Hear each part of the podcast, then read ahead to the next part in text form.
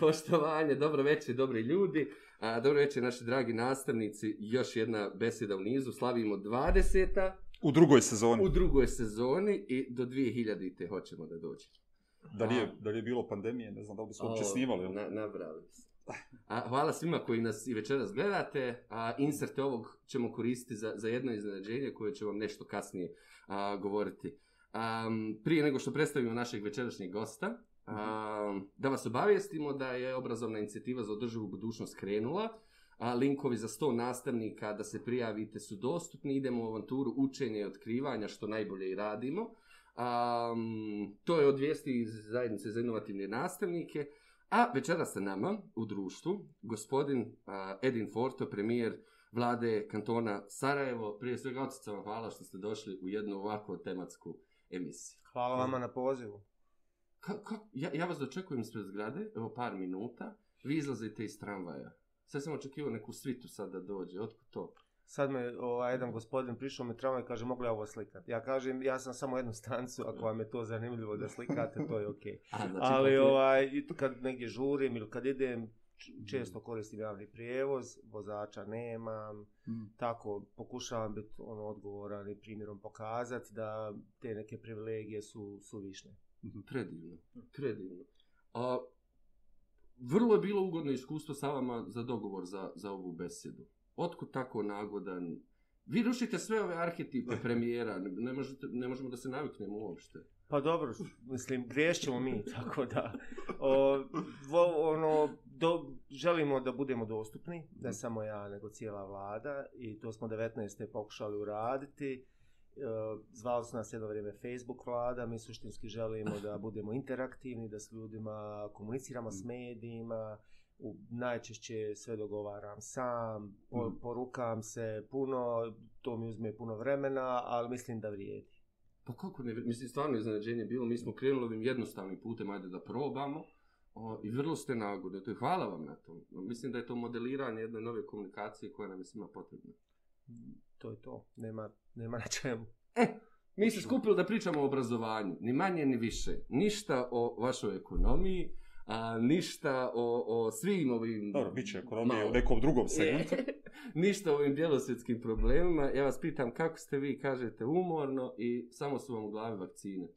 Pa sad, pitao ste me što sam zabrinut, baš upravo neke kombinacije, pošto mi od, od kako smo stupili na, mm. na vlast, to bilo u početkom januara, mi smo vidjeli da, da ovi koji bi trebali to raditi ne rade mm -hmm. i mi smo sami ušli u to i sad ono, prevrćemo svaki kamen, diplomatski, poslovni, bilo koji da pokušamo u, učiniti mhm. nešto sami, pa ako uspije... Ima li uspije. pomaka? Da, pa ima pomaka ova masovna vakcinacija koju ste vidjeli u Zetri prije nekoliko dana, to su, to su naši, to smo mi nabavili. Znači, jeste donacija, mi smo tražili da, da pa kupimo, da. ali to su vakcine koje su samo za kanton Sarajevo i mm -hmm. očekujemo još neke i tako. Nastavnice nam stoje za vratom, ubiće nas ako vas ovo ne pitamo. Ima li, ima li ikakve, prioritet? Ima li ikakve šanse da obrazovni Vjeruje da nisu jedina grupa koja vas to pita. Svok za svoju grupu nek se Pa boli, nije pa. puno grupa to pitalo, jedno 60. Mi smo, ovaj, naravno da kada prođu ove najkritičnije grupe kojih nema previše, to su mhm. ovi koji imaju uh, zdravstvena stanja koja su najrizičnija i ovi sa uh, Eh, koji su najstariji naši sugrađani. Nakon toga, ako imamo vakcine, a vidjeli ste da imamo veliki kapacitet od par hiljada ljudi dnevno, stvarno sve prioritetne grupe, uključujući obrazovanje, će stvarno, to će stvarno ja, ići brzo. Mislim, argument koji imaju nastavnici je vrlo jasan. Dakle, vakcinisani nastavnici, povratak u škole će biti izvjesniji i brži, dakle, neće biti niti kombinovanog, niti online modela, dakle, bit će učenici učionici. Ne bi trebao biti problem, samo kad dobijemo veliku količinu vakcina, mm -hmm. što, nažalost, još uvijek ne imamo. Dobro. Dobro, bit će. Hvala. Bit će. Polako. Ne moramo se svi vakcinicati, šta? A, uvažene jedine, a, vi ste imali sjajno školstvo. A, studirali ste vani, studirali ste u, u, u Sjedinjim američkim državama i ni manje ni više, ajde ne, od... A, ma, master ste, odnosno magistarski ste završili na Kolumbija u univerzitetu, što je jedan od prestižnija, mislim da je Ivy League, ili tako. A, nas interesuje vaše iskustvo u, u vašem ličnom obrazovanju i ovom do univerzitetskom. e sad, je vas škola razvila, naučila, postavila temelje ili ste to skupljali nauko? Pa ne znam, ja sam bio kampanjac i, ka, i u osnovnoj i u srednjoj školi. I na fakultetu. I uvijek sam, ovaj, za, otprilike bih ti znao bi šta, ono, ciljao bih negdje i trudio se da uradim najmanje da dođem do toga. Meni je to, ja nisam uživao u školi u osnovnoj, bilo mi je dosad. I zato ste išli tako u sam i da u SSK. I zato mi je ovaj zato možda sam tu razveo to kampanjstvo jer mi je bilo dosad. I e, tako to je išao sam u drugu gimnaziju, upisao sam mašinstvo e, zbog nekog porodičnog biznisa gdje sam mislio da tu imam perspektivu za posao. I na, drugoj, na drugom semestru je zaratilo. Znači, drugom semestru mašinstva je zaratilo. Ja sam onda vrlo brzo nakon toga sam povukao papire sa mašinstva, što je bilo čudno jer se tada ono završavalo samo da nađete profesora. Ja sam... Niste tu... stigli ispite polagati. Ja sam jednom, ovaj, položio sam jedan tako vrede, samo da nađete profesora, odete mu na vrata, on nas primi u kuću, porazgovor jeste li dobro, jeste li su svi živi, zdravi, kako je to, gdje vam je indeks, evo osmica, mm ide, znači nema, ne, to je bilo takvo vrijeme gdje je bilo ludilo samo da se ostane živo, to je 92. I nakon što sam dobio tu osmicu iz materijala, ja sam shvatio da taj fakultet nema smisla. I vidio sam također, evo, usred rata, kako naglo neki studenti koji, koji su nako bili, ja sam bio dobar na ta prva dva, ono, dok je bilo normalno, mm -hmm kako naglo napreduju, naglo čiste predmete to. Ja sam povukao, iz protesta povukao sam papire sa mašinstva. Ja sam rekao, ja ne studiram u ovom trenutku. Jer je rat i ludilo i ovo kako ove polažu, mene to ne zanima. I onda sam čekao priliku da studiram u nekim normalnim uslovima. Ona mi se pružila krajem 95. kad sam došao u Ameriku i, ovaj, i upisao sam tu neku, te neke, upao sam to američki sistem. Mm. Kako je od... to izgledalo, dakle, sa iskustvom obrazovanja u, u, u, u SFRJ, dakle, to, kako je izgledalo ha, da pa, dođe mislim, to novi? ko nebo i zemlja, stvarno, on, one su toliko praktične da je to nevjerovatno. Bilo mi, ja sam uvijek smatrao, ono, profesori, znate, oni opet uvijek imaju neki naučni rad, studenti su frustrirani, studenti su zabrinuti kako da ispolažu, to je tamo puno drugo. Ja sam upao u neki community college, to je ovdje ko viša neka. -hmm. Bez kampusa nema spavanja, nego dolaze tu, voze se ljudi, dovezu se i spolažu predmete i ove o, neke ove predavanja i tu se primaju one one credits što mm -hmm. tu sad imamo i mi te kredite. Ja sam tu uzeo te takozvane transfer kredite da mogu na neki normalni mm -hmm. univerzitet preći. I to sam uzeo i prešao sam na Univerzitet Sjeverne Karoline u Chapel Hillu, koji je jedan od najboljih državnih škola. I to, je, e, to je onda bilo ono s filmova iskustvo. Tek parkovi, Trava, lijepe zgrade. Na travi. Ovaj, vi kad se prijavljate za kampus da spavate u domu, kažu vam, evo ima taj dom, to vam je nacionalni spomenik. To je prvi dom studentski u cijeloj državi koji je mm. star, ne znam, 200-300 godina, prvi državni fakultet. Ono pravo zanimljivo. I, i, I onda tu možete naići na neke ovako prosječne umove, kad govorimo o profesorima, a možete naići na, to znači, vrh, ono, ljudi sa međunarodnim iskustvima, sa, i onda mm. možete svašta, to je onda već bilo, tad sam bio puno zadovoljniji, do tad je bilo neko preživljavanje. I onda kad sam osjetio to, shvatio sam da bih volio ovaj, neku, za master, neku isto top školu, ali u Njujorku. Jer sam slučajno otišao na, na svadbu jedne prijateljice u Njujork iz Sjeverne Karoline i tokom se svidio grada, sam ja rekao da ću samo ovdje moram tamo. I koja je najbolja škola? Kolumbija. Ja sam samo na Kolumbiju aplicirao, nisam nigdje drugo aplicirao i upao, da. Mm. To je vrlo, vrlo... Ne, mislim, ok, studirao sam, studirao sam u Americe, ali taj, taj, to, to poređenje, a, šta vas je ponajviše dojmilo? Jeste tu stekli neku bazu, je, je, je vas to zaljubilo u učenje? Jeste imali volju prije da, da, da, da učite i istražujete? Pa to je, kao, meni je bilo neverovatno, Ovaj, prvo, ono što mi se svidjelo, ne, ne, ne koncentrišim se puno na, na loše stvari. Ono što mi se svidjelo je ta njihova fleksibilnost i mogućnost. Recimo, ja sam na nekim predavanjima često sam upadao s jednom ženom koja je bila penzionerka, koju je čerka upisala fakultet. I onda je ona iz dosade upisala fakultet. I onda sam se ja s njom takmiću, uvijek smo se takmičili ko će najbolji test uraditi, to iz, iz istorije, iz engleskog, žena imala vremena, eto. to. I onda je meni bilo, mislim, nevjerovatno mi je bilo da takvi ljudi isto idu na fakultet. Dojdu neki, ono, čisto, ono, samo da uzmu neki par kredita da mogu napisati tamo za neki posao. Znači, i tamo znači, ima, kod da njih je za neko, i nekoliko predmeta kad položite to ko, ko kursevi. I kažete, imam nekoliko kurseva iz toga. Nema, za neki posao je to dovoljno. Tako, i nema nikakve diplome, nema ništa. Imam tri kursa iz nekog osnova programiranja. Tu je nekom bilo tamo bitno i da ga pusti u neku firmu. A ima ovi koji traže diplome, što su bili tamo kao viša, ta, te neke mhm. associate mm -hmm. degree, taj neki. I ima ovi koji su, koja htjeli da idu dalje za neke stvarne universitete, mm -hmm. za one neke baš ono, e, da bude ta diploma da se pika neki. Dalje, mimo Jasne. tog grada gdje sam ja bio. I ta fleksibilnost mi je i praktičnost me prilično oduševala. Mislite li da to može biti i ovdje?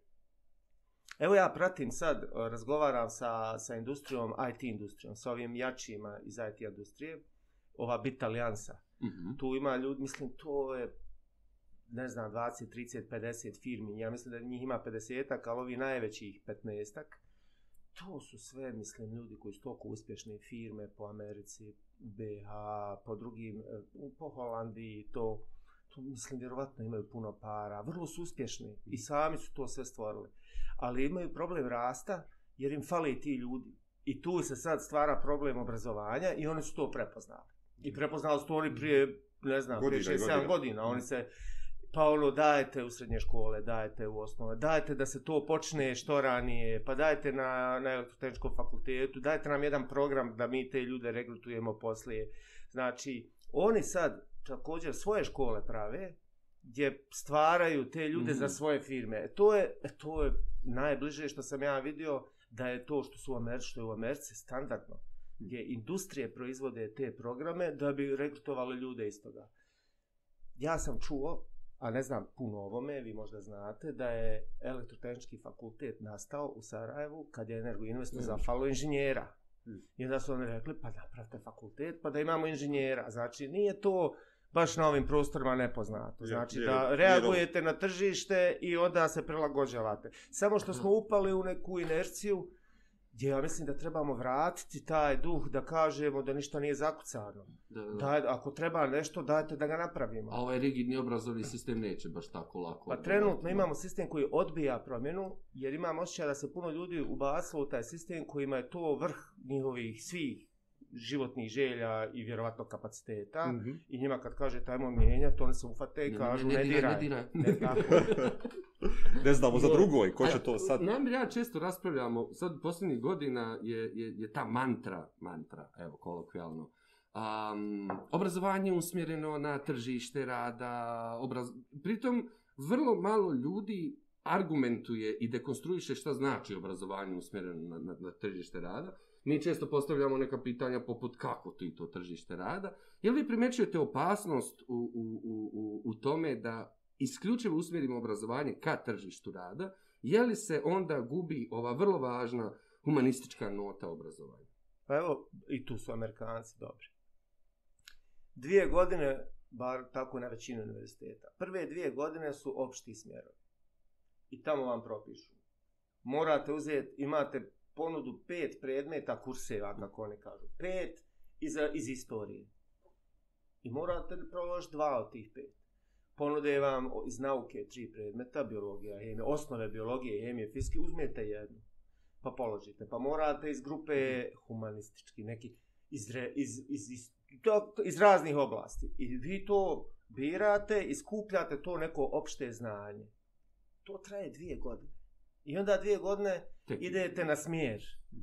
Biznis, marketing. Da, da bude temelj nekog opširine. I onda tu idete stručnije, to neke to, ono gdje se vi fokusirate. Ja mislim, može jedno i drugo. O, naravno da to, taj opšte, opšte znanje je izrazito bitno. Uh, samo što ovaj drugi dio, ovaj fokusirani dio, kod nas nije prilagođen. Meni je i dalje nevjerovatno da mi nemamo fakultet za medije i komunikacije u Sarajevo. Mene na ocijek za komunikologiju, ili tako? Na, na Kakav ocijek, mislim? Mm.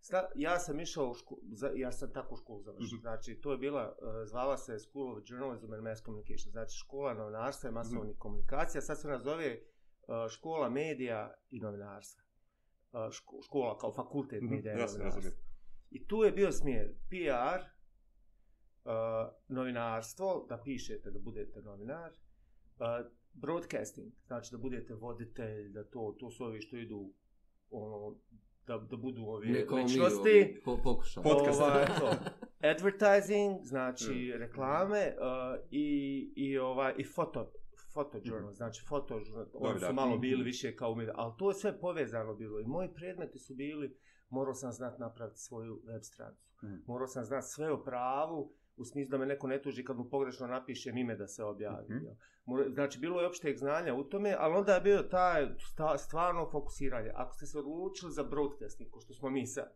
ima studio, tamo idu, snimaju emisije, šalju na lokalne TV stanice. Sve, mhm. vi ste spremni, spakovani kad izađe. Kad treba za posao, da, da, da radi svoj posao. Da. E sad vi meni objasnite da mi imamo, evo vas, imamo pet televizijskih stanica u Sarajevu, imamo bezbroj portala, imamo državne, privatne, sve živo imamo, znači imamo ogroman broj ljudi koji rade u ovom sektoru, imate snimatelje, tu sve, sve ima u Sarajevo. Nema fakulteta. Svi, ja, evo ja, svi evo se ja sami sam, obrazovali. Ja sam, znači, priču. Gdje smo, gdje smo mi to se prilagodili? Ali što rijedi sa smedjima, recimo, mi smo to vrlo često i u besedama govorili, to je i za nastavnike slučaj. Dakle, i nastavnički fakulteti, e, zapravo, kada daju diplomu e, studentima koji su završili, dakle, nisu osposobili u velikoj mjeri buduće nastavnike da su sposobni samostalno da rade u čionici, i to da rade, ne znam, u, u onom pravcu o kojem ste vi govorili, dakle da mijenjaju obrazovanje i tako dalje, nego doslovno je ono, završimo, dođe, e sad šta treba da radimo jedino iskustvo koje imaju je iskustvo iz njihovog ličnog, kako su prošli mm. osnovnu, srednju školu, tako primjenjuju. To je ovaj... A taj recidiv je opasan često. To sa, sa našim kadrom koji ide u obrazovanje, to je posebna priča. Nekad je učiteljsko zvanje bilo ugledno zvanje. I učitelj je bio glav kad je obrazovanje stvarno bilo luksus. Mm. Tamo negdje između dva rata, odmah nakon drugog svjetskog rata, vi kad ste učitelj, profesor i kad ste doktor i sudija, da. vi ste sve jer ste u tim strukama vi glavni izbor. Da, da, da. I vrlo I malo ova, ih je bilo. I znalo se koji učite, to su bili najbolji učenice, učenici su išli tamo i onda su najbolji najčešće išli da uče drugu djecu, druge, u, druge učitelje i tako dalje. Imam ošće da to u našoj tranziciji se izgubilo u ovoj BH tranzicija, vjerovatno i regionalno, gdje više ne idu najbolji Tako je. Ovaj, da, da budu pedagozi, profesori, učitelji to, nego idu kad nemaju gdje drugo ili nemaju bolju ideju. A onda imam osjećaj da je nama naše, naša borba dala, da mi sad i od tih koji nisu najbolji, još da, da, da oni slabiji tako je, dobijaju posao. Tako znači, meni je to, eto, imam osjećaj da se tako susrećimo sa svi s tim. Namire. Tako. Izvolite. Zamolili smo naše nastavnike da nam, da nam pošalju pitanja koje imaju za vas i, i to nismo ono podijelili sa, sa, sa vama, ali evo kad, kad ste to pomenuli, boli ih ta korupcija? Evo, bi, ogromno smo i to vrlo argumentovano šalju, nisu, nisu populistička. A, oni smatraju da, i to su kao izveštaje Ureda za borbu protiv korupcije pokazali, da je najviše korupcije u obrazovnom sektoru i to pri zapošljavanju pri čemu tu ima jedna mala kvaka kod izveštaja borbe za kuće. Mislim, ja sam direktor škole osnovne i ovo suštinski e, regulisanje e, pravilnika, dakle, koji u obrazovanju je naj dokument koji propisuje 0,20 bodova za sve druge stvari. I naravno, dakle, ogroman je broj prijava, sve stoji. I tu se lako registruje punove žalbi. I lako se utvrdi, ne znam, da je neko nije dao 2-3 boda nekome, pa nije na listu, tako dalje. Dakle, ta, ta vrsta prijema ne postoji u drugim institucijama. Tako da, ono, podatak da je najkorumpiranije... Pa sve, sve, sve i da nije. Korupcija je, ovaj, korupcija se mjeri percepcijom korupcije. Ne mjeri se dokazanom korupcijom. Ako vam veliki procenat ljudi kaže da je nešto korumpirano, onda jest. Neće ljudi izmisliti da je to korumpirano, ne, nego, ako su, nije. Uzeli su podatke na osnovu inspekcijskih nalaza, a inspekcijski na, dužana inspekcija izaći na svaku moguću prijavu koja ide. Ali ako je anketa među zaposlenima mm. i one kažu da je koru... ili među stanovništvom i one kažu da je korupcija u obrazovanju, onda imamo problem. Mm. Jer korupcija se mjeri isključivo percepcijom korupcije. To je svuda tako, to je, to je svuda u svijetu. Je vas boli to? To je meni najgore. Ali evo ja ću vama sad dati jedan primjer. Danas sam o tome razgovarao, pa je koincidencija da ovo me govori. Mm -hmm. Imate jednu od najvažnijih ustanova obrazovnih u kantonu Sarajevo, zove se javna ustrava Djeca mm-hmm. Sarajeva. Mm -hmm oni u ovom trenutku imaju, zamislite imate ustanovu sa 34 vrtića. Mhm. Koje je ključno zvanje, koja je ključna pozicija u ustanovi vrtići? Odgajatelj, je li tako? Tako.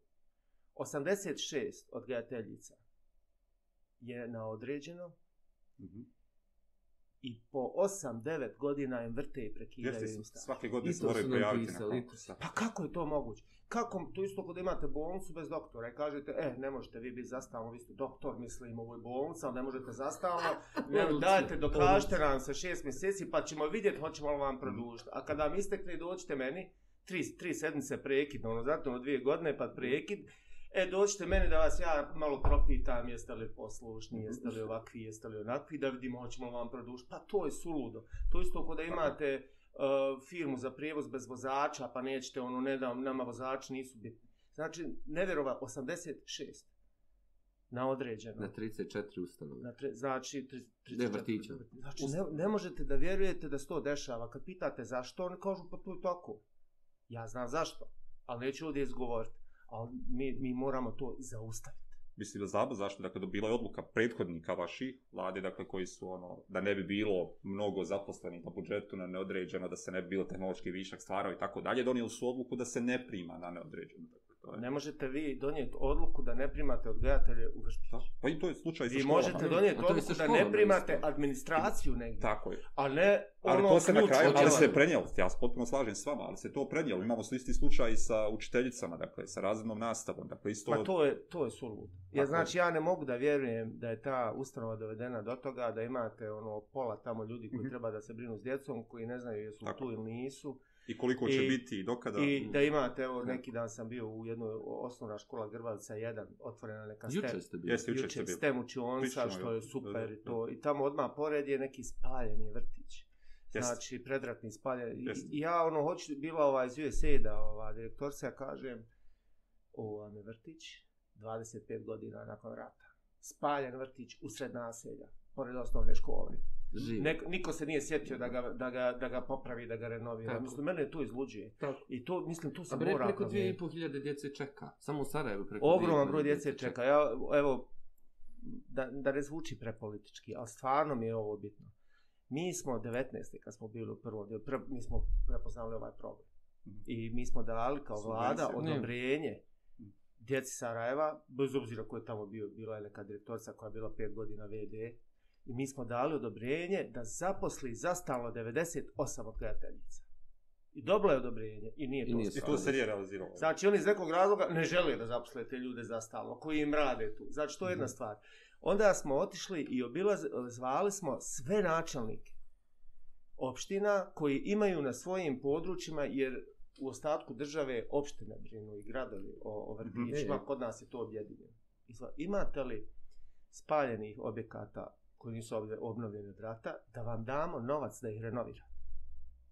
Jedan načelnik je odbio, načelnik Koldžo, odbio da, da primi novac, da mu dva vrtića renoviramo. Ali načelnik starog rada je do, o, prihvatio, pa će bulbuli biti uskoro otvoreni. Mm -hmm. Pa je onda načelnik Iliđe prihvatio, pa će sad biti Lužani i, i, i Hrasnica.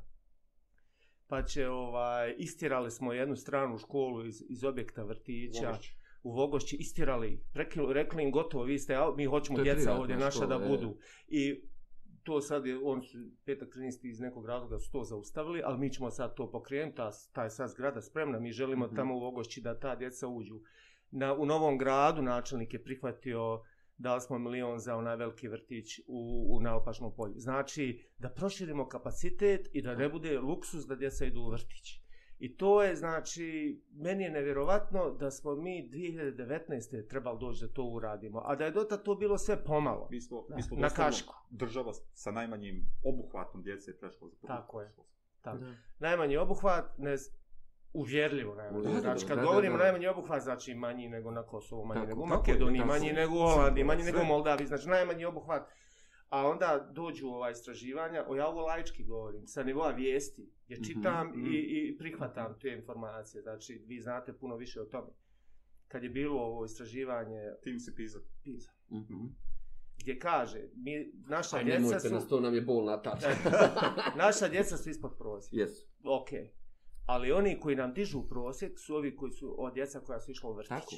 Tako, vrlo Kako vasno. neko ne može sabrat dva i dva iz konta da nam je taj pa vrtić pa polazna postoji, tačka? Sva istraživanja, čak su Hrvatsko razdjeli istraživanja longitudinalnog karaktera, dakle pratili su generaciju koja je 70 i neke upisala vrtić i pratili su istraživanje 2010. 11. dakle nužno i djecu koja naravno nisu išla, dakle djeca koja su išla u vrtić su uspješnije, naravno oni govori o drugim faktorima, ali no je, je mnogo faktore. veći procena djece koja su bila u preškolskoj ustanovi koji su kasnije postali... Ali nemjerljiv je doprinos za sistem kasnije. Mislim, u Americi McKinsey je radio to istraživanje o povratu novca o jednom uloženom dolaru, koliko se na to djecu vraća na, na, nakon što oni stasaju radno aktivni i tako dalje. Smanjenje stope korupcije, kriminala, a, zdravo društvo i tako dalje. Mislim da je omjer 1 naprema 9, da je, da je povrat toga. Sve evo, jasno. I evo jedna, jedna, jedna molba, jedan vapaj da se sve moguće sinergije naprave da, na, da nam dje, sva djeca idu u vrtić, sva djeca bez obzira a, na sve. Evo da vam se nadovežem. Vi znate da smo 19. imali subvenciju. Gdje smo mi rekli, sva djeca koja se prijave u djecu Sarajeva i ne mogu upasti jer nema dovoljno, jer nisu obnovili ško ove zgrade koje su spaljene, Uh, će dobiti subvenciju da mogu otići po sličnoj cijeni u privatne vrtiće. Bio je veliki otpor, ali kad, politički otpor, ali kad smo to slomili i kad smo to uspostavili, to je postalo toliko popularno da je sljedeće godine duplo više djece se prijavilo mhm. i onda je ovi iz petka 13. pokušali to da ukinu, ali toliko je bio vapaj roditelja da su ipak popustili. Mi želimo da svi žele, znači mi želimo da to kaže, pa kako kaže, mi smo otvorili smo nove vrtiće, a više djece. Pa zato što sad ljudi vide šansu da upišu djecu, prije su bili odostali. E, Mi smo sa odgajateljicama i razgovarali ovdje prije nekoliko emisija, dakle, u poslenicama djece iz Sarajeva, naravno, shvatili, dakle, vrtiće, potreba, nije pitanje da li neko ima o članove porodice koje dakle. će paste djete, nego dakle potreba djeteta da bude u vrtiću bez obzira dakle na sve stvari. I hvala vam što razumijete važnost. To, to, to nekako... meni je, ja bih volio da samo jedna stvar ostane za nas je da stavimo na noge vrtiće, da ih proširimo, da bar Sarajevo postane model za ostatak BH, pa da onda širimo to i na BH, Tako. da djeca moraju ću vrtić, da im bude dostupno, idealno, besplatno. I da budu i kvalitet, što tato, je moguće. I da, naravno, da ulažimo u kvalitet. I u jednom trenutku to će postati osnova nekog, uh, jedan od faktora kvalitetnog života u Tako. kantonu Sarajevo Tako. i onda će ljudi restani, imam dobar vrtić koji nije daleko, koji, koji je jeftin ili besplatan, ne, ne, mislim, ne moram ići u Njemačku mogu, mogu dati dijete, borce za posao, to, to je jedna od Tako. stvari koja bi, znači, kako to nije prepoznato, mene nije jasno, ali mi ćemo sad, ovo će biti jedna od glavnih stvari kojima ćemo se... Ovo da se zanima, to, to sad iskustvo starovika, građanina premijera kantona Sarajeva, dakle, nekoga, ako ste tu govorite o tome, kako je vaše iskustvo kao roditelj?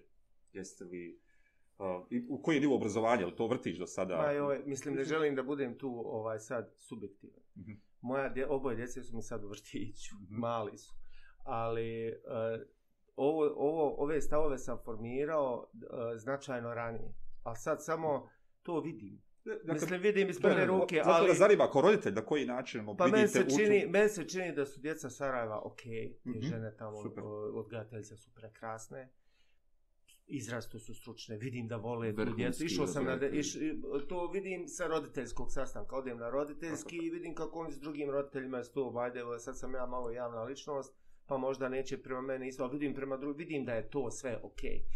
Njima samo treba jača podrška, treba im dati ugovor za stalno, treba im po, po, po, poboljšati uslove rada, djeca treba da imaju bolju prehranu, treba da ima više djece da ide generalno, znači samo treba I, u to ulagati, ništa više. Još jedno, mora vas, pobljali smo isto radije, to je moja boljka sa vrtićima, dakle mi smo neke od najljepših vrtičkih objekata dali ambasadama.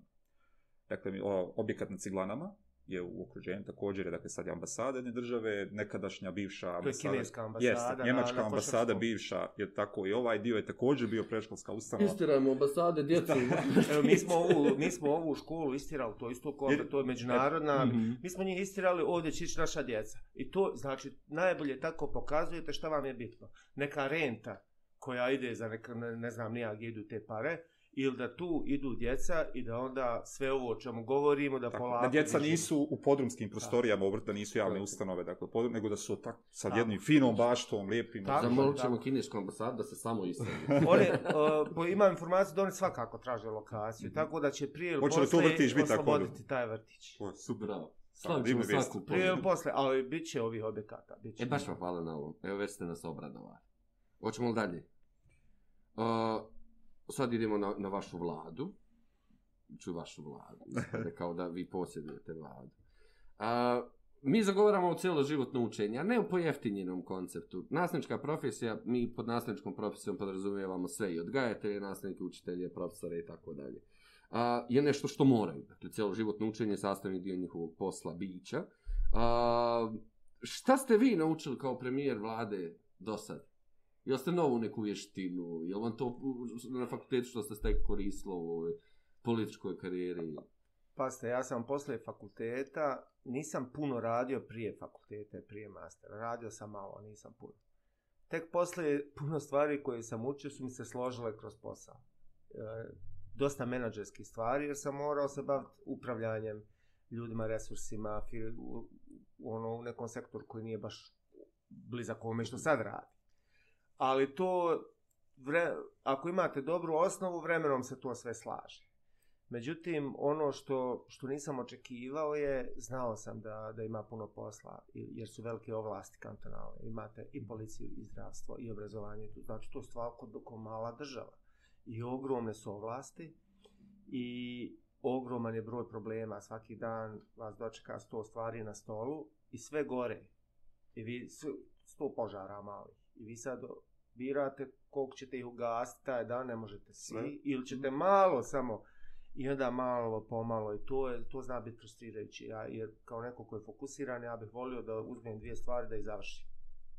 Ne, Ali dok je. ja njih završavam, recimo šest mjeseci, drugi se požari šire. Ovi će se šire i izgo, izgorče, gotovo. Znači, ne može. I, i onda je to tako frustrirajuće. I, I posebno kod ovih nagomilanih stvari. Evo recimo meni je nevjerovatno ovo vrtićima što smo pričali da smo to zatekli. Zašto to već nije u nekoj fazi pa da mi samo malo unapređujemo. Nego jednostavno potpuno zapušteno. Javni prijevoz, zapušten, zdravstvo, sve je zapušteno. I vi sad morate se time baviti. Znači ono što sam naučio je da je taj posao puno teži nego što izgleda.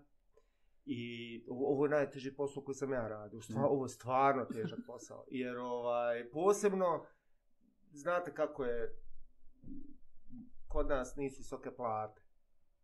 Ali uh, za ovu platu, ovaj stres i sve ovo, jeste se niko za, ne radi za Jeste platu. se iskreno zapitali što je vama ovo trebalo u životu? Pa ni, šta ja znam, ja sam bio zastupnik, bio sam onaj klasični, bio sam četiri godine, mm -hmm. od 14. do 18. Opozicijali zastupnik. Da, i onda to je, mislim, to je najveća banja u državi. To je, znači, uh, nemate nikakve obaveze, a imate razne ovlasti. Imate redovna primanja koja nisu loša. Za, e, tu je, mhm. tu je ono kad kažete tu je pre, prevelika plata. Mhm. Iako je slična mojoj današnjoj. Prevelik, tu je preplaćeno jer ne radite puno. A ovdje potpuno sagorjevate. Tu ne, znači tu nema, tu, ne, tu nikad ne prestaje. Kad bi bilo još nekoliko dana u sedmici, bili bi radni. I kad bi bilo još desetak sati, bili bi radni. Ne bi bilo ono gdje se odmarate jer ako želite da postanete neki rezultat. Znači, ovo, ovo sad što učim je stvarno ekstremno biranje prioriteta, ko da ste u nekoj stalnoj uzbuni, gdje vi morate nešto ostaviti, iako gori, da bi se posvetili nečem drugom. I to biranje prioriteta je, postaje vaš svakodnevni posao. Šta je u tom trenutku uh, više gori od nečeg? Stignete li biti tata? Pa eto, trudim se. Kako gledate na, na, na očinstvo? Pa šta ja znam, to je, pošto sam ja, ja sam bio, ja sam malo ono, radio na doknadu, tak, tak 42 sa oženima. Pa sam ono, pa smo ono, spucali dvoje za čas. I ovaj, sad su oni vrlo su blizu, uh, dječak pa curica i oni su manje od godine i pol. Mm -hmm, jedno, prilično su blizu. I sad su u najslađoj fazi, uh, četiri i pet i po. I, ovaj, I to je možda najveći užitak za koji nisam znao da postoji. Mhm. Znači, to mi, neko ko to nema, ne, ne zna da to postoji dok ne osjeti. I tako da to mi znači izvor energije. I bez toga vjerovatno ne bi mogo ni ovaj dio, ovu, ovu kuknjavu koju ste mhm. čuli prije, ne bi izdržao, ne bi izdržao da nema ove, ove energije. Ima da neki slikovnica, poklonit ćemo vam na kraju. Može. To su naše slikovnice. Može, može. Hoćemo dalje? Hoćemo, neko dakle, je, napraviti... govorili ste, pauzu, hoćemo pauzu. Sam. 10 sekundi samo. Dobro. Ajde idemo kad smo kod ovih para, koliko zarađuje nam, ja smo platili još jednu reklamu za besede sami sebi, tako da ajmo na kratki... Pa ima je komercijalni dio programa. Ovo sami sebi plaćamo. Mi sebi platimo. Da I sami se reklamiramo. da, sami se reklamiramo. Super.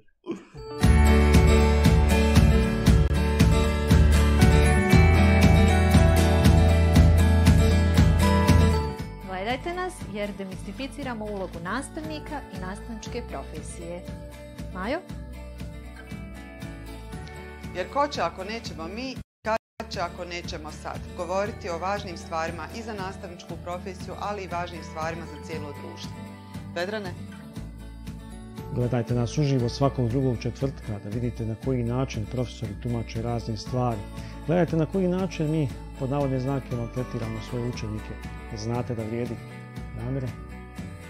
Zašto nas gledati svakog drugog četvrtka u istom terminu? Zato što govorimo o stvarima koje vas se tiču i zato što drugog termina nema.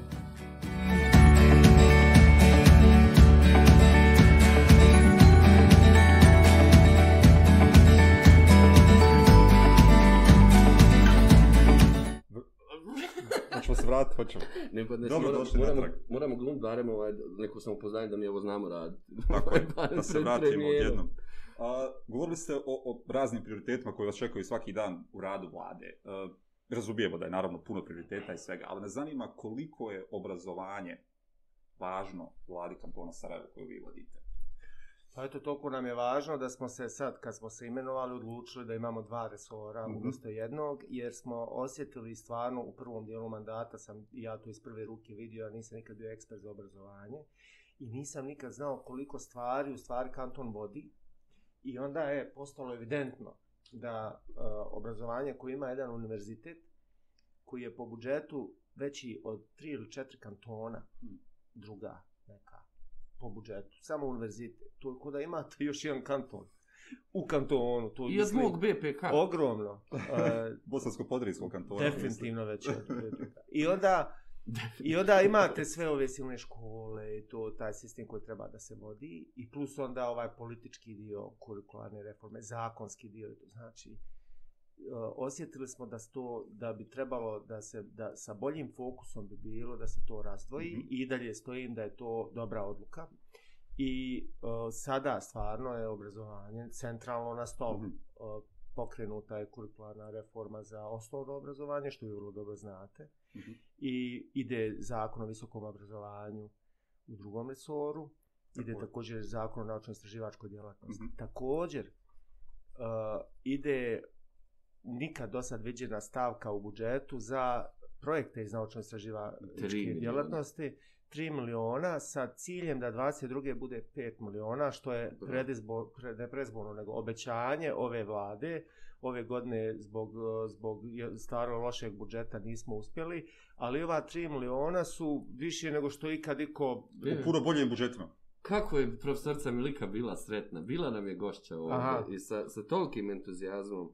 Mislim da je sjajan, evo ko sam ja da kažem, mislim da je sjajan odabir i jako lijep razgovor smo imali. Ona je rekla, pitali smo na kraju, iskreno, pro srce Melika, šta vam je želja nakon što odete? Ona je rekla, imam samo jednu želju, to da ostavim kapacitiranu ustavnu. Zašto vam je to toliko bilo važno da razvojite ministarstvo? I pravite do, o, institut, jel tako, za domverzitetsko obrazovanje, kao pandan pedagoškom zavodu pa, uh, boljoj varijanti pedagoškog zavoda. Tako, ja mislim. to treba da bude kao bolja varijanta pedagoškog zavoda i suština je u stvari da se to napokon, da to postane mjesto gdje se stvara uh, program za, za djecu. I, i, znači, gdje, gdje se, valjda kako to nekad bilo, ja ne znam, valjda to tako nekad bilo. Iz nekog razloga, puno, stva, puno, uh, puno ustanova, institucija, iz raznih resora tako i obrazovanja su urušeni. Znači, oni postoje, mm -hmm. ali su čahori u njima sjedi nekoliko ljudi, umjesto, umjesto ne znam, 20 doktora nauka da tu nešto se vrti, da, da to radi. Tamo imate troje četvero službenika i o, e, pritom ne govorim sad za, za ovaj prosjeto pedagoški zavod, nego govorim o mnogim institucijama gdje jednostavno i zateknete gdje bi one trebale da vrše funkciju koju ne vrše. I ovo, to je jedan od pokušaja. Znači, razvojili smo resore da bi se fok, bolje fokusirali na probleme univerziteta i visokog obrazovanja, bez kojeg nema napretka u smislu i ekonomskog i tako dalje. E, postoje istraživanja koja vrlo jasno govore, malo prije ste govorili, šta znači ulaganje u prečkolsku. Jedan moj profesor o, ekonomije na Kolumbiji koji je bio opsjednut tim da će on jednog dana biti Nobelovac, nisam siguran da će biti, ali je bio opsjednut time i on je citirao drugog nekog Nobelovca gdje je rekao da u, u tim istraživanjama gdje su 30 raznih variabli po cijelom svijetu su ono fiksirali su svaku pa su drugi 29 vukli pa onda drugu i to su oni radili uh, u smislu šta je to što ipak je najveća korelacija sa napretkom u GDP-u znači u, u bogatstvu u proizvodnji i tako dalje po glavi stanovnika i otkrili su da je to preškolsko i osnovno obrazovanje i da tu da je to najveća korelacija ako ulažete u to imate taj rast Problem je što kad ulažete u obrazovanje, rezultate vidite najmanje, najviše, Tako. najkraće za 10 godina. Ne, ne možete reći, mi e, smo ovo uradili u prošlom mandatu. Ne mandat. možete se slikati sa uspjehom ulaganja u obrazovanje, ne može. Jer moraju to te generacije. Tako. I zato obrazovanje nekako uvijek ostane zapostavljeno. Ali moć, možemo li mijenjati tu kulturu da se dogovorimo i kažemo, ok, evo, ne moramo na obrazovanju sticati političke pojene. Možemo se dogovoriti pa, da razvijamo kao društvo. Zakon je to već tako kao depolitizirano, mi vrlo znamo da nije. O, o, e, sad se dolazim, znamo ovo, predškolsko i osnovno, gdje je stvarno teško vidjeti o, e, te neke rezultate. Ali ono gdje se vide puno brži rezultati su o, e, onaj R&D, što se zove mm. vani, research and development, znači o, e, istraživanje i razvoj. E to je ono gdje mi mislimo da se mogu novci ubrizgat i također istraživanja pokazuju da kad uložite u istraživanje i razvoj, da je to E, može biti najveći, s onim najvećim multiplikatorom ekonomske aktivnosti. Jer mm. stvarate radna mjesta, stvarate visoko obrazovane ljude koji onda idu na projek projekte koji su vrlo često uvozni jer novac dolazi ino, iz inostranstva. Saradnja između univerziteta, to pokreće ekonomsku aktivnost, pokreće startupe, pa znači ova 3 miliona koja mi sad kamo sreće da mi to možemo umnogostručiti, da to onda, jer ubri, kad ubrizgate novac u istraživanje i razvoj, to je koda e, ubrizgavate novac u ekonomiju. Samo trebaju ljudi to, treba šira javnost da shvati da je bolje u to ubrizgat nego u nekakve subvencije nekim industrijama koje propadaju. Znači, bolje je dajte uložite u znanje da mi onda možemo to e, u izvrtića sporo, ali u istraživanju razvoja značajno brže vrati. Da, može se vidjeti citiranost, tekstovi koji se objavljuju, istraživanja nova i tako dalje. I ukoliko kad... svemu univerzitet, pojedini dijelo univerziteta to rade sjajno. Imamo dosta citiranih profesora u međunarodnim. Da, da. E, kod, smo, kod budžeta i obrazovanja, dakle, bez obzira što je, su ministar, što je ministarstvo raz, razdvojeno obrazovanje na dva nivoa, to je još uvijek uh, najveći dio, više od trećine budžeta odlazi uh, na, na, na obrazovanje. Je li taj novac dobro raspoređen? Dakle, je li to uh, nešto što zapravo može voditi ka razvoju obrazovanja ili je to zapravo održavanje sistema kao takvog. Je li negdje još osim ovo, 3 miliona koje se ulaže u okviru Ministarstva za visoko obrazovanje, je li još negdje primjetno gdje zapravo ide dodatno veliki novac za razvoj drugog segmenta obrazovanja ili je to pokrivanje plaća, režija, troškova? Pa ja ne vidim ustav... da se puno ulaže mimo plata. O, vi kad kažete najveći dio novca ide u obrazovanje, to je bankomat. Da, to su mm. plate i uh, vi morate dati puno više od onih plata uložiti mimo plata da bi imali neki rast, razvoj, kvalitet i tako dalje. Ako samo dajete za plate... Imamo prostora da se reorganizira budžet pa predveđen za Pa ovo. evo, ovaj- zamislite da smo... Svjetska banka da smo jedan od skupljih obrazovnih sistema. Pa jesmo. A sa lošim rezultatom. Pa znate što, malo smo, mislim, mi možemo stvoriti Sarajevo da bude najugodnije za življenje tako što će, pored svake zgrade, biti jedna škola možda će to nama sedog dana isplati. Bravo. Međutim, imate puno, puno bogatije države od nas, koje spakuju djecu u autobusu i odvezu i 30-40 minuta udaljeno od njihovih kuća i idu u odlične škole. Nisu sagradili novu školu, nisu zaposlili 50 novih ljudi za tu novu školu, ali su djecu odveli, ali su taj novac uložili u tu jednu školu koji će ih odvesti. Mm. Mi smo već, mislim, prešli to u gramini, ja, mislim, ja nisam za zatvaranje škola ali imam osjećaj da, da naša politika koja je jako malo vezana na građevinsku, znate, mi, evo ovo vam moram ispričat, mala je digresija. Naša tranzicija, ekonomska tranzicija, se svela na to da kad je rat završio i kad je krenula privatizacija, naši vrli političari tada su ugledaju neku firmu, recimo Energo Invest ili neku, oni ne vide tu radna mjesta proizvodnju, izvoz, znanje, inženjere koji su tu sjedli, oni vide zgradu. I oni kad su privatizirali, oni su trčali za tim zgradama. Znači, mi smo imali zgradarsku privatizaciju. Nisu firme uništene ne, zato što su oni htjeli da unište firme. Baka. Oni su mislili samo, znate, kad neko dođe cijeli život, misli da je zemlja koju on ima, ta livada, da je to jedino što je vrijedno. Mi smo doslovno, takvi ljudi su nam vodili privatizaciju.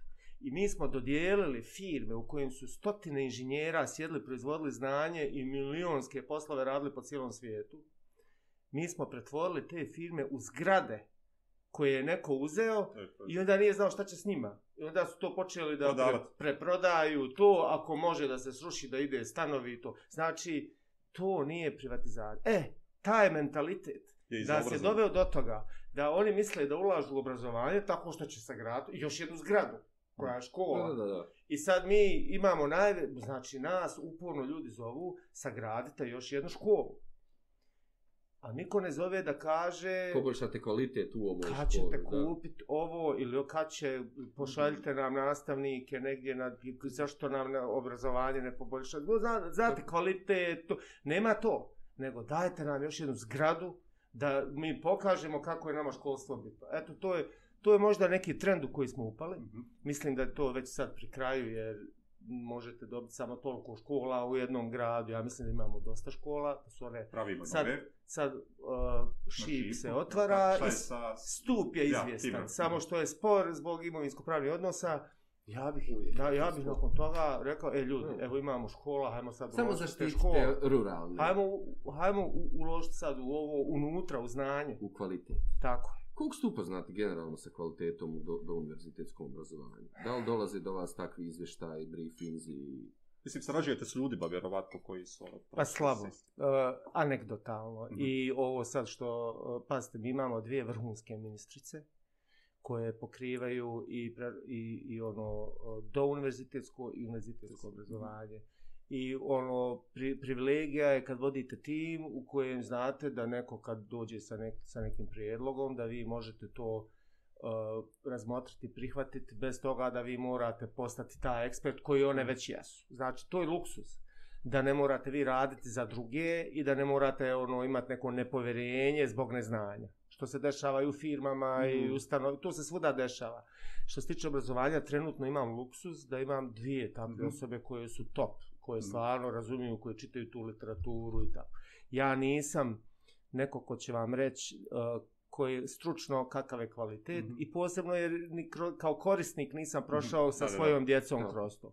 Ali mogu vam reći da sam vidio jednu, eh, što je mene indikativno, jedno dijete kod neke familije koje je došlo, dobili su zadatak da imali su neku lekciju gdje su ono učili ko je sekretar škole ko je direktor škole i onda su crtali direktora. Pa što se ti tog nisi sjetio? Moramo uvesti to praksu. Djeca crtala direktora. Ma pretužno.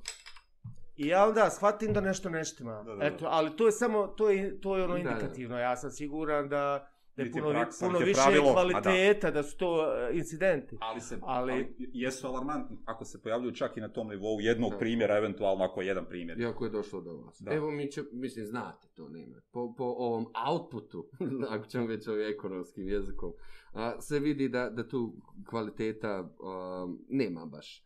A, nastavnička profesija, odnosno nastavnici u kantonu Sarajeva, aj sad, ovaj, iako nas gledaju iz cijele BH regiona, a, vi ste tu. A, imate izvrsnih i odgajatelja i učitelja i nastavnika svjetske klase. I to smo u stepu počeli da radimo prije pet godina sa nagradom za inovativne nastavnike.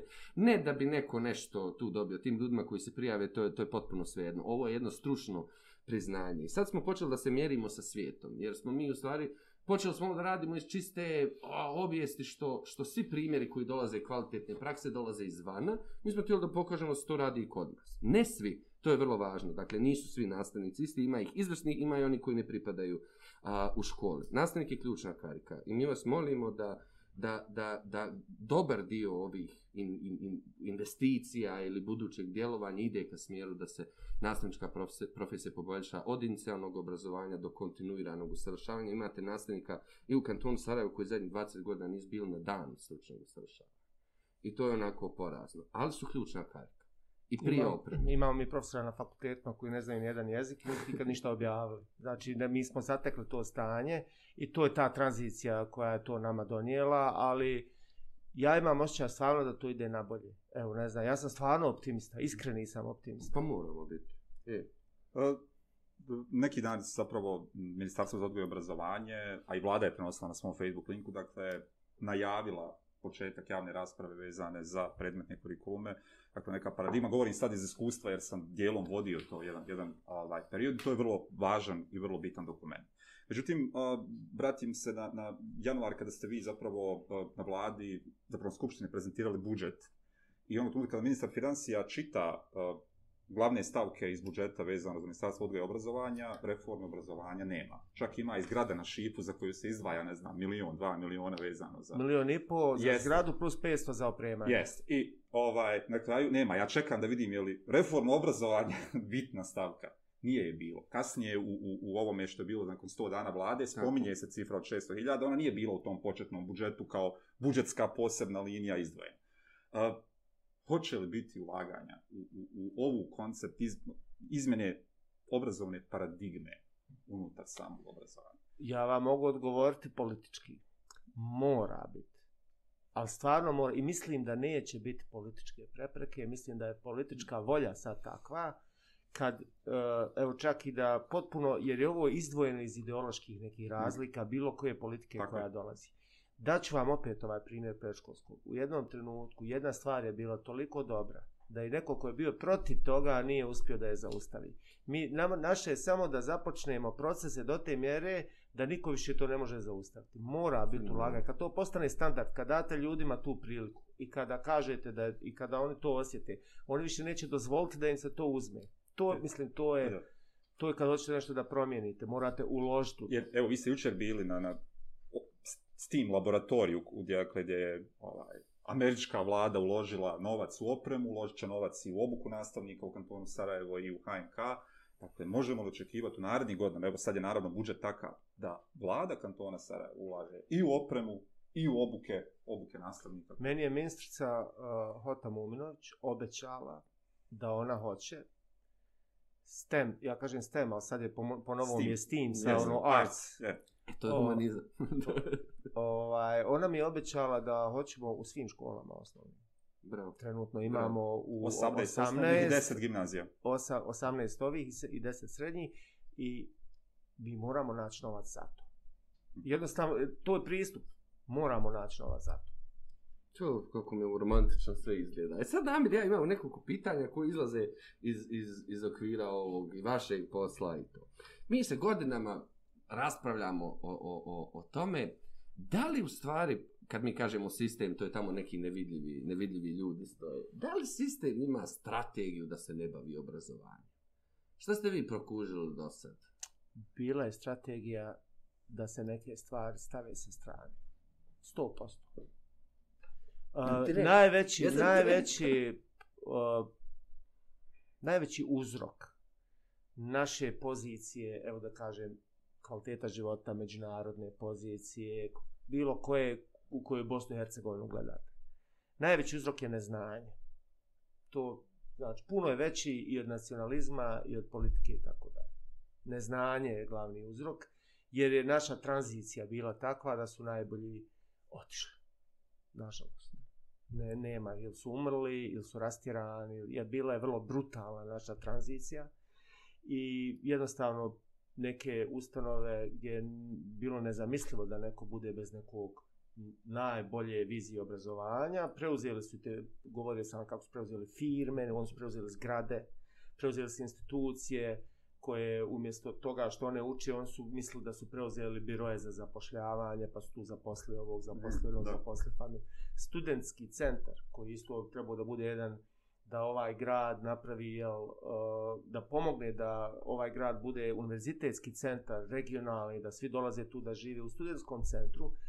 Kad uđete u registar, nešto smo mi objavili zaposlani, ukucate neka prezimena, izleti vam po 10, 12, 14 osoba isto prezimena u jednoj ustavi. Zbog toga uh, mislim da je neznanje bilo, ali uh, ima na nekim mjestima, to je moj osjećaj, mm -hmm. teško je to dokazati, gdje se čini da je namjerno uništeno. Mhm. Mm -hmm. Jednostavno da, ne, da to, jer imate osjećaj da neko ko je došao da bude, evo, da, da budem brutalan, ne mislim nekog posebno, ali ima nekih primjera. Kad vi postanete dekan nekog fakulteta, ne znate ni jedan strani jezik, ništa niste objavljivali, nekoga vas je tu postavio u nekoj tranziciji, jedino što vi možete napravite da sve ispod sebe mjerite po sebi. Da. Jer prvi koji mm. išta pokaže će ovaj, odmah će... Zauzeti mjesto dekana. proradit će priroda. Da, da. I onda je to sistemski mm. blok gdje vi tu stane. Imam osjećaj da je obrazovanje sa tim ogromnim sistemom zapošljavanja postalo to, nažalost. Mm. Um, nastavnička profesija, šta za vas znači? nastavnička profesija, da vam kažem politički. Znate zašto su nastavničke plate najniže? Ajde. Svuda u svijetu. Nisu baš svuda, ne dam reći. Pa dobro, evo, e, Finska, joj, ne, ne, ne, nema ih puno. Evo, da kažem, nema ih puno. E, Nastav, kad kažem osnovno, mhm. e, u odnosu na drugu državnu administraciju, da tako kažem. Uh mhm. -huh. Zato što velika većina nastavničkog kadra je tamo jer to žele da rade, jer vole djecu, jer vole da predaju, vole da uče i oni tu nisu zbog plate nekih druge vrste ambicija, materijali koji se možda dešavaju u nekim drugim sektorima. I onda kad politika reže budžet, prvo reže nastavnike, jer oni neće masovno davati otkaze, to jer oni ostaju, oni su to. Nastavni, to, to isto kod da ste vi vi ste ko neka posebna bića koja ne mogu biti ništa drugo. I to je e, nekako, nekako je potpuno drugo. Ko kad kažete rudari. Ali stvarno jest.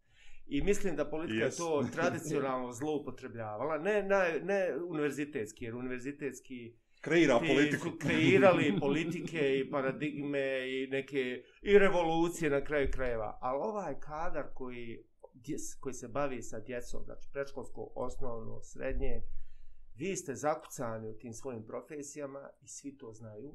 Ima u, u teoriji menadžmenta jedna, jedna ovaj ime, naziv za neke ljude, zove se dijete firme. Znate. Dijete firme kad je neko toliko dugo u firmi da vi znate da on nikad neće otići. I ti ljudi najčešće budu preskočeni za promocije, za unapređenje, za sve, jer uglavnom se love ovi novi. Da, da koji onda dobiju puno više za manje znanja, ali opet morate na tržište mm. ići po te. A dijete firme ne diraš. Mislim, to je šteta, ali to se tako dešava vrlo mm. često. E, vi ste kao cijela grupa to.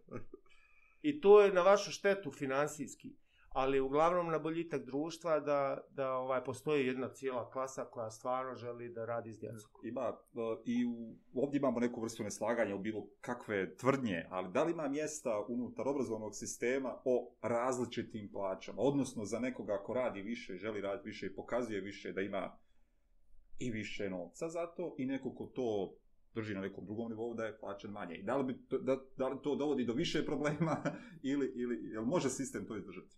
obrazovni. To bi bilo idealno, ali ja mislim da pošto vas toliko ima i pošto je sistem velik, mislim da bi to bilo izrasto teško sprovest, e, pojačati raspone uh mhm. -huh. i uvesti da je pravedno. Mhm. To bi, da, bilo, to, to, to bi bilo stvarno teško. Uh, ali u idealnom sistemu imate fiksni dio koji je svima zagarantovan, imate variabilni dio koji ide na osnovu učinaka, kvaliteta i tako.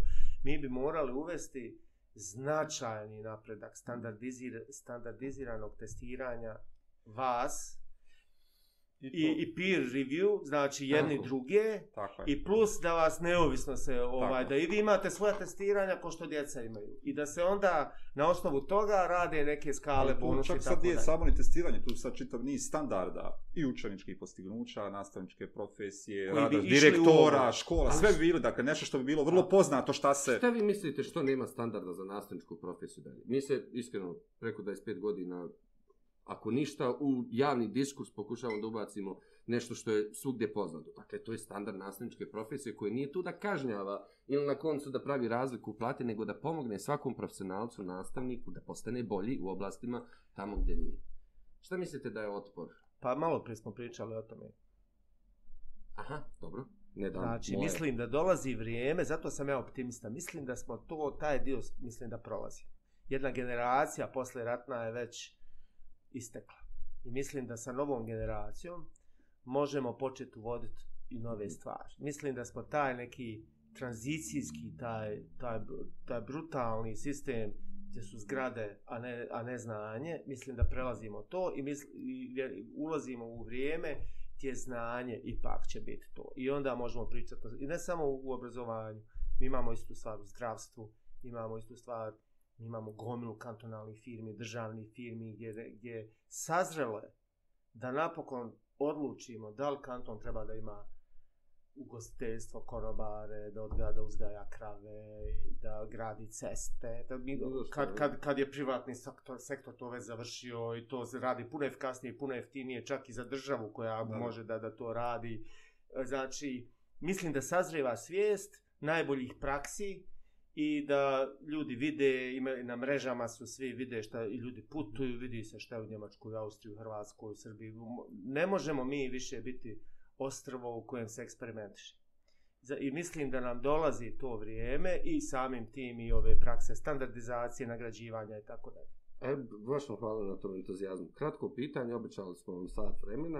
Um, pandemija je i sad već mnogo pričamo i sa nastavnicima i sa djecom i o ovom istraživanju koji smo radili na, na 24.000 uh, uzorku, ne samo u Kanto Sarajevo, čita u Bosnu i Hercegovinu, mentalno zdravlje i nastavnika i djece i roditelja je nešto što izdvajaju kao top pitanje i tu brigu. Uh, da li postoji neki plan uh, kako da se pomogne i nastavnicima i roditeljima i djeci uh, jednom kad sve ovo prođe, ali i sad, uh, A, da li postoje neki sistemi koji će raditi na jačanju njihovog mentalnog zdravlja? Razmišljate li o tome?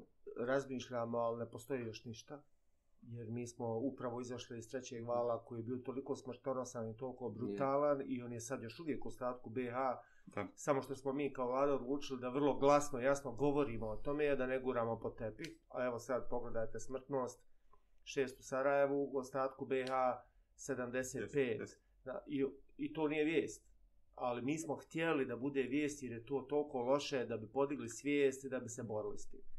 E, znači, još uvijek smo bili u ovoj fazi preživljavanja i borbe sa, sa najbrutalnijim oblikom pandemije, ali definitivno i razgovarali smo s nekim našim međunarodnim partnerima. Ključno će biti kako će se vlada i svaka vlada, ne samo naša, postaviti za post-pandemijski dio, kako god on izgledao možda će biti puno blago, možda će ova pandemija još godinama nas udarati, ali ne možda ovim intenzitetom i ne ovako nas neće nespremne zaskočiti. Ali ono, što, znači mi ćemo se opremiti da se borimo sa medicinskim, možda čak i ekonomskim dijelom pandemije. Ali ovaj dio koji ste pomenuli će biti ključan u toj nekoj tranziciji i u obrazovanju i generalno mentalnom zdravlju. Mi znamo da smo mi oštećenog mentalnog zdravlja kao kolektiv zbog naših Zato. trauma koje smo prošli, koje nam uvijek, još uvijek isplivavaju i u javnosti. I prisutne, ne samo da isplivavaju, nego su tu. Po, pa, to tu, znači, ne izlazimo nikako iz te traume, vjerovatno treba to da se svari, ne znam više kako, ali očito je da smo još u tome. I, i zna, imamo već potrebu za tim i plus sad ovaj pandemijski dio. Znači, morat ćemo napraviti neki sistem gdje ćemo raditi na tome, ali vjerujte, uložiti veliki novac u to što bi bilo vrlo, vrlo dobro. Zamislite koliki otpor da objasnite sad ljudima, znate, treba nam, trebamo sad ove sisteme praviti, podrške i tako dalje. Mi smo otvorili, uh, za svaku opštinu smo otvorili po jedan broj u ovom najtežem udaru pandemije, psihološke pomoći. I to smo, jedini smo državi to uradili. Imate li informacije, javili se ljudi? O, vrlo malo pa smo znači mhm. vrlo mali broj poziva. Mi nismo dosegli još nivo javne svijesti mhm. gdje normalno da vam treba pomoć da vas neko umiri, treba, da vam neko kaže, da vam objasni. Puno je straha, a na koji niko stručno, niko tom strahu ne pristupa. Imamo strah od smrti kad smo u pandemiji, ali mi imamo stalni strah od rata, stalni stra, strah od ekonomske propasti, od, neke, od prisilne mhm. migracije. Od, znači, mi to je nešto što Ključan će možda biti, što je možda ne. najveći problem ovog društva o kojem se ne govori. Radili smo podršku za nastavnike i nastavit ćemo to da radimo. Stotine i stotine ih je prošlo. I jako je važno. Hvala vam evo što ako ništa misli, nadam se da će se nešto od tog desiti. Ako ništa pedagozi, psiholozi u školama, zaista će morati da, da, da preuzmu ovaj teret, barem poslije. A, namjerio ćemo privoditi kraj, Hoćemo. obećali smo, Hoćemo. gospodine, imate sad drugi, ja neću reći preči stvari, ja mislim da je obrazovanje uvijek neki kontinuum koji ali je vrlo važan. Ali priča, obrazovanje, gostovanje, Tako, nije najpriča. Hvala vam. Hvala, no, ali hvala vam, zaista. I što ste izdvojili to vrijeme. I za kraj, um, i vi ćete nešto, ako želite pitati nas, vrlo rado ćemo odgovoriti. Um, krenuli smo u to da slušamo nastavnike širom Bosne i Hercegovine. Pitamo ih jedno pitanje, samo kako obrazovanje želite. Kako vi obrazovanje želite? Ja želim obrazovanje, mislim, izvinite što ću biti pre, pre, pre, pre brutalan, ja sam ipak menadžerski tip.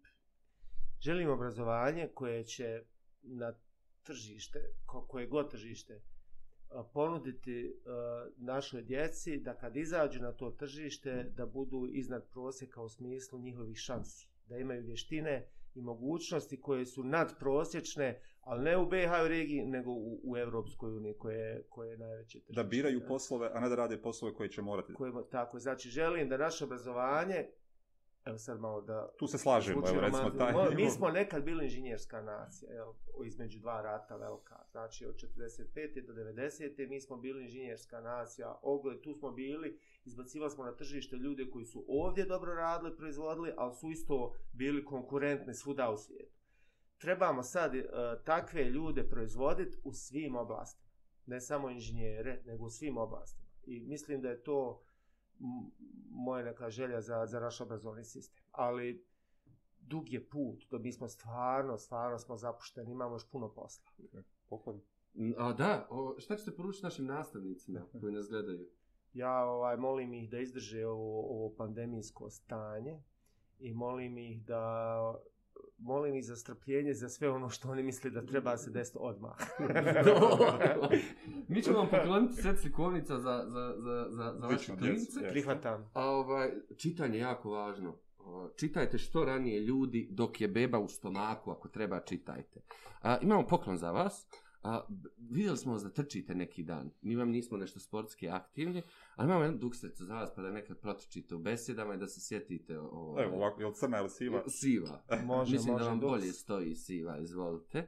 A, hvala, I hvala, još jednom od srca stvarno što ste izdvojili vrijeme, hvala što ste došli, podržali naše nastavnike i nadam se da ćete to u budućnosti, a mi ćemo biti otvoreni toliko da sve što imamo lijepih, smislenih komentara, sugestija da vam šaljemo s vremena na vrijeme. Dogovoreno, sretan vam rad. Ja. Hvala vam puno. Kolega Namir Ibrahimović. Kolega Nedim Krajišnik i... Sljedeće sedmice, uh, Galeb Nikačević, naš drug iz Beograda, je gost, ne propustite to. A uh, iza on je tamo gospodin Matthew Field, britanski ambasador koji čisto tako dođe da razgovara o obrazovanju zajedno sa Milom Karadić iz British Councila u programu Škola za 21. vijek, a onda posvećujemo jedan specijal mentalnom zdravlju. Do tada bavite se djecom jer ako nećete vi neko sigurno I potrebno. hvala vam što ste nas gledali učer. Ćao. Thank you.